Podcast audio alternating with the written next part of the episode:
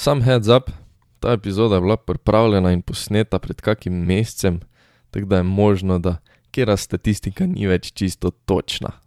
Ampak velika večina je še vedno pravilnih in stojim za tem, da velika večina še vedno velja.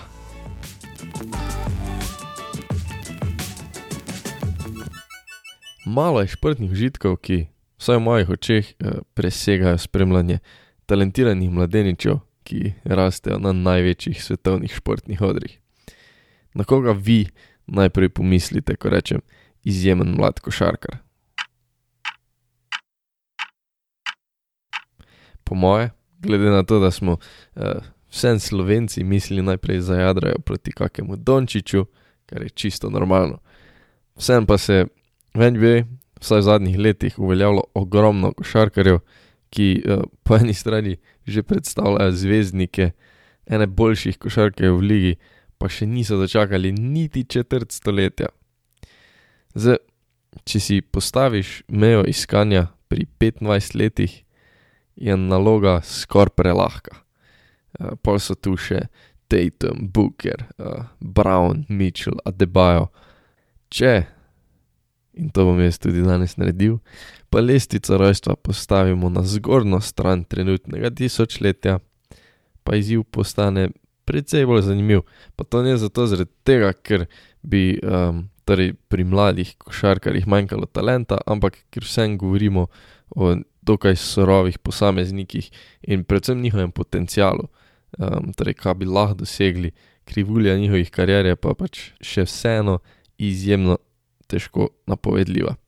Torej, opisal bom mojih pet building blokov košarkarjev, rojenih v novem tisočletju, na katere bi se jaz najrajši zanašal, da postanejo neki center, okoli katerega bi gradil svojo franšizo.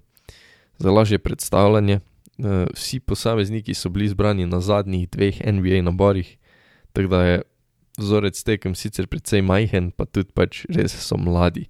vsi imajo podlago, ampak jaz bom vseeno poskušal vas prepričati, kar se da dobro utemeljiti, zakaj jaz mislim, da so tako perspektivni, kot so, itak pa ne gre zanikati, da so tudi vsi ti izbori nekoliko subjektivni, ker pač ne morem si pomagati.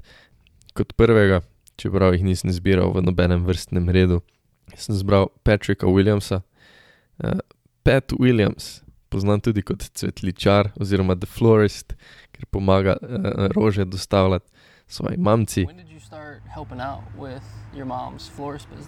When I was eighth grade, my brother was had had just got his license, so he was doing the the driving part. So I saw the money he was making, I was like, okay, I wanna, I wanna help too. je drugi najmlajši košarkar v ligi. Izbran je bil, vsaj izgledalo je tako, ful smešno visoko, na letošnjem naboru je šel kot četrti. sploh če upoštevamo, da tisto leto, ki ga je prebil na univerzi, ni začenjal, torej ni bil v prvi peterki. Vsaj meni se vseeno zdi, da je do zdaj, v tem kratkem času, ta dvesto en centimeter visoki krilni igralec pokazal več kot dovolj surove kvalitete, da bi se lahko čez nekaj let pogovarjali o enem najboljših mladeničev v ligi ali pa celo mogoče igralcev v ligi. Jaz mislim, da njegova statistika na tisti čisto prvi pogled ni nenormalno visoka, pa vseeno pač deset točk na tekmo za rookija, novinca, ki se res šele privaja na ligo, ne, vse prej kot slabo, vsaj v mojih očeh. poleg vsega tega pač redno dodaja skoke, čeprav tudi tam ni statistika ful seksi. Dokazuje, da je lahko tudi bolj efficient scorer, da lahko da več točk na tekmo. In pač glede na to, da ni niti prva napadalna opcija niti druga napadalna opcija, verjetno niti tretja napadalna opcija pri Bullsih, vsaj za moje pojme kaže res zelo dobre predstave, poleg tega imajo letos še Billya Donovana, veliko boljšega trenerja, veliko bolj primernega trenerja za Chicago. tudi trenerja, ki vsaj jaz mislim, da bo znal iz te mlade ekipe izvleči največ, kar Patu Williamsu gre le na roko. Zdaj njegovi procenti meta so precej, precej dobri. Dvainpetdeset mečev iz igre, čudovito, osemintrideset za tri, več kot solidno, enainosemdeset izza črte prostih metov. Dobro, lahko bi bilo boljše, ampak dvainpetdeset, osemintrideset, enainosemdeset je precej, precej kul, sploh za prvo leto. Je tako zelo eksploziven, fizičen igralec. sposoben je prodiranja pod koš, ampak ima tak lep, fluiden med tudi z razdalje.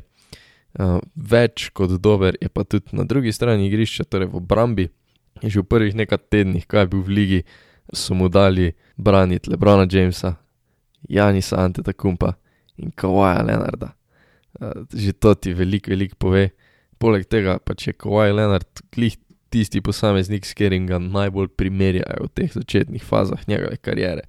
In glede na to, da je Kawaj eden najboljših igralcev lige.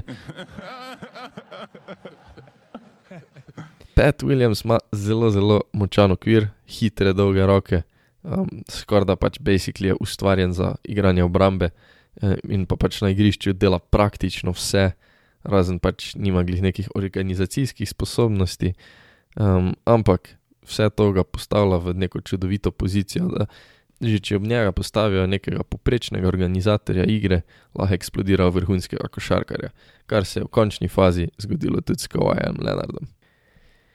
No, potem pa je tudi drugi, ki sem ga jaz uvrstil na mojo listo in to je Tyrese Halliburton, ki je bil letos kot dvanajsti izbran za Sacramento Kingse.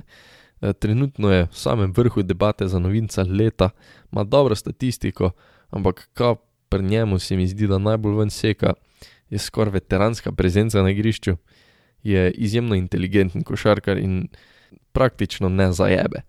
Um, na parketu se kaže, vsaj meni se zdi, za enega največjih uh, stilov letošnjega drafta, ker vse en 12. izbor se mi zdi, da ne dobiš glih tiste smetane, smetane, no, ima izjemen pregled igre, to ga zelo, zelo hitro uvršča med celo najboljše podajalce lige, čeprav ima pet asistenc na tekmo, kar v končni fazi ni slabo, ni ful dobro.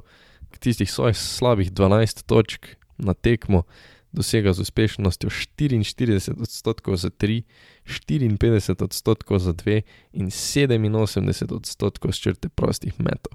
Torej 44, 54 in 87, to ga pa že v njegovi prvi sezoni na precej prijetno razdaljo približa do uh, elitnega 40, 50, 90 kluba.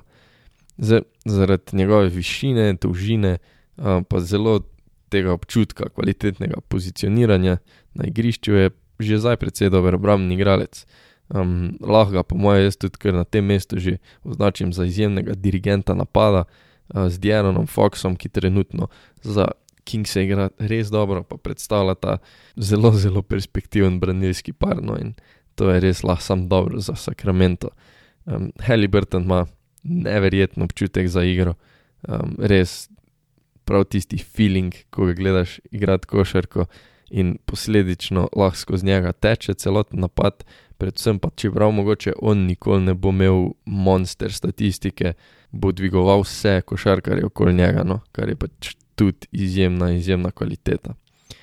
Kot tretjega sem na svojo listo uvrstil, pa zdaj največ rukija, e, zaključili smo z ruki in se predstavljamo v sophomore, torej tiste, ki so v ligi drugo leto. In kot prvi je Tyler Hero, ki se je sicer kot 13. lani, ampak izkazal za enega najboljših posameznikov nabora. Bil je mogoče malo presenečen, ampak je zrastel res tako veliko vlogo, veliko prezenco in pač pri Miami to res zaenkrat upravlja dobro. Lani je imel nekaj težav s poškodbami, tudi ni začenjal skosno, ampak je igral, se je učil in predvsem napredoval. No. Letos dosega 17 točk, 6 skokov in 4 asistence, v vseh teh kategorijah se je izboljšal in se res kaže za zelo, zelo dobrega napadalnega igralca, ki je pač izvrsten v pick and roll akcijah, ne, kar je basically eno izmed največjih orožij v modernem NBA-ju. Je zelo, zelo perspektiven strelec z razdalje, čeprav mogoče letos zaenkrat njegova uspešnost ni glih taka, kot bi mogla biti, ali pa taka, kot bi lahko bila. Um, 34 odstotkov meče za 3, to je manj kot lani, uh, manj pa meče tudi iz črte prostih metov, tu meče 80 odstotkov, lani je meto 87 odstotkov. Tako da, čeprav je iz igre vse skupaj malo napredoval, je za 3 in proste mete slabši. To je več neko nihanje, ki ga mogoče pri mladih košarkarjih lahko pričakujemo. Um, ampak ker je dejansko pokazal, če se je sposoben, jaz mislim, da to vsaj zaenkrat ni nič zaskrbljujočega. No, Hero je tako izjemno perspektiven košarkar, ampak tisti, ki vsaj za moje pojme ga vršča na to listo, no, ni glih toliko povezano z košarkarskimi predispozicijami, ampak z njegovo neverjetno mentaliteto.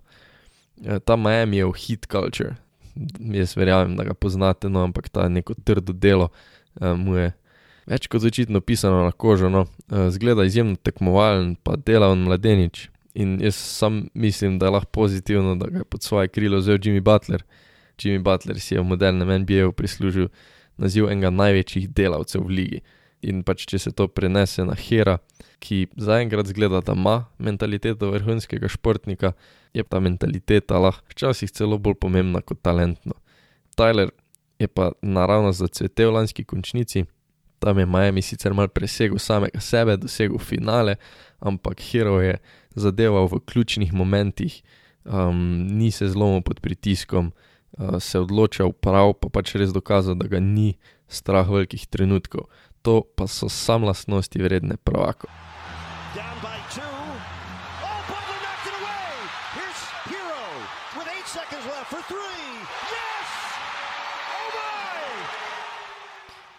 Kot četrtega na moji listi sem zbral RJ-a Beretta.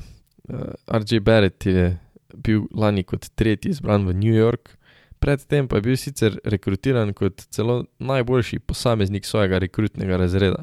V College Ligo je torej vstopal kot najboljši igralec tistega rekrutnega razreda. Zdaj, njegova ruki sezona je bila polna sponov in pacev, predvsem procentualno je bil veliko krat porazen. In glede na to, da smo lani spremljali nekakšno bitko med Jamorantom in Zajonom Williamsonom, se je na RJ Beretta nekako pozabilo. Poleg tega je igral v ponovno poraznem New Yorku, uh, ampak letos dosega dobrih 17 točk, 6 skokov, 3 asistence, to je pač že čist solidna statistika v bistvu. Uh, in čeprav se nekako odstotki še vedno niso rožnati, je Beret res pokazal napredek. Njegova igra zgleda bolj zanesljiva. Procent meta iz igre in prostih metov se je dvignil, kar precej, razen za tri, tam je še vedno le 29 odstotkov uspešen, kar je kar avč, boli, fuj. Ampak glih med z razdalje, torej med za tri je tisti, ki ga pač drži na varni razdalji do naziva super talenta. Če bi skino za tri, gotovo je, GG gremo dalje.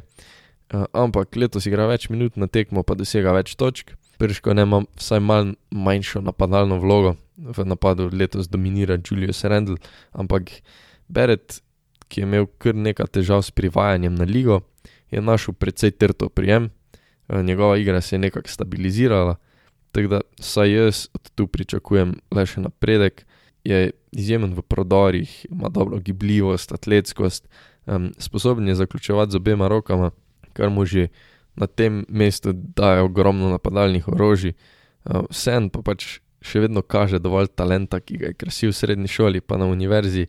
Kljub temu, da se o njem ne govori glih ogromno, še vedno izjemno perspektiven, ampak te perspektive se mi zdi, da je pri New York Knicksih naenkrat kar velik, pa zdi se mi, da niso čisto prepričani, če bi Beretu namenili to eh, glavno vlogo, ampak vsaj po mojem mnenju bojo mogli, ker bi res lahko bil njihova prihodnost. Uh, letos igra tudi dobro obrambo, ampak je ta obramba nekako izrazito sistemska. Torej, RJ veliko krat na robu rakete pazi na nasprotnikove prodore in ob podaji v kot rotira na kaos svojega igralca. Uh, posledično nima toliko poudarka na branjenju ena na ena, kar se pozna na njegovi osebni statistiki. Ampak je precej, precej pomemben del New Yorkove obrambe, ki je letos pač res izvrstna. Uh, poleg tega, fun fact, Steve Nash, legenda lige, je njegov krstni boter. Kot zadnji na tej listi, pa pač čeprav nisem delal uh, po številčene liste, pa vseeno mislim, da njega pa lahko dam na prvo mesto, je pa Zion Williamson. Uh, Zion ima uh, prevelik medijski pomp okoli sebe, uh, ta pomp ga je obkrožal še prednje, sploh povohal ligo NBA, ampak je vseen najudarnejši posameznik tega seznama. Zdaj, če se mu v karieri uspe izogniti poškodbam, ki so lahko predvsem za ta njegov uh, zelo fizični stil igre pogubne, ga vsaj po mojem mnenju čaka zvezdniška karijera. Letos je igral praktično že skoraj enako tekem kot lani, lani je večino sezone zaradi poškodbe meniskusa presedel, Tako da mogoče se lahko celo pogovarjamo o nekakšni podaljšani ruki sezoni. Letos dosega slabih 24 točk na tekmo ob 60 odstotni uspešnosti, kar je že samo po sebi impresivno, respekt. Temu dodaja še približno 7 skokov, pa 3 asistence na tekmo. To je res izjemen ofenzivni igralec, zaradi uh, izjemne te njegove moči, preprosto fizično je nezaustavljiv pod obročem. Od tam, torej iz rakete, prihaja od oka, tako uh, vse, kar se njegovih točk tiče. Um, ampak je iz črte prostih metov uspešen, le 69 odstotno. To bi lahko izboljšal, to more izboljšati, glede na to, da ga nasprotniki zaradi fizične moči res lahko praktično zaustavljajo le z osebnimi napakami, kar je nekako podobna situacija kot pri Janisu Antetakumpo, ampak za razliko od Grka je Williamson dokazal, da je sposoben redno zadeti tudi z razdalje. Čeprav z razdalje glih ne na poskušano. Um, lani je za tri točke metal 43 odstotno, letos je 36 odstotno uspešen, ampak pač poprečju na tekmo uh, iza črte za tri ne vrže niti enkrat, tako da pač ima potencial, kar je kar kulne, ker čeprav se verjetno na med za tri nikoli ne bo zanašal, to odpira neverjetno število možnosti, nasprotnike nekako sili v širjenje obrambne igre, kar odpira raketo, ker je nezaustavljiv. Zajan ima neverjeten odriv, fizično mu lahko parira res sam peščica košarkarjev. Glede na to, kolikrat sem uporabil besedo fizično, res, če si druga ne zapomnite, si zapomnite, da je Zajan fizični frik. Ampak tudi tisti košarkari, ki mu parirajo, so v glavnem višji, Zajan je visok, mislim, da 201 cm, kar pač je tudi nekako bolj mobilen od tistih velikanov. Je pa ta neka hitrost, moč, pa eksplozivnost, ne. So ga na univerzi vodile do tudi izjemnih obrambnih predstav, pa blokad, tega v NBA zaenkrat še res ni pokazano, um, predispozicije ima, tudi sposobnost ima, to smo že videli, ampak manjka tistega truda v zadnjih tednih je tudi sam celo priznal, da mora postaviti višji obrambni standard. Pol je tudi prikazal nekaj precej boljših predstav pod svojim košem, tako da bomo videli, ampak mora se izboljšati tudi na uh, svojem delu igrišča. Je vsem generacijski talent, o tem ni dvoma, je pač res hiter, eksploziven, 130 kg težek igralec, ki lahko praktično skoči ven z dvorane. In vse to piše izjemne highlighte, neverjetna zabijanja. Le upam pa lahko, da jih bo telo zdržalo.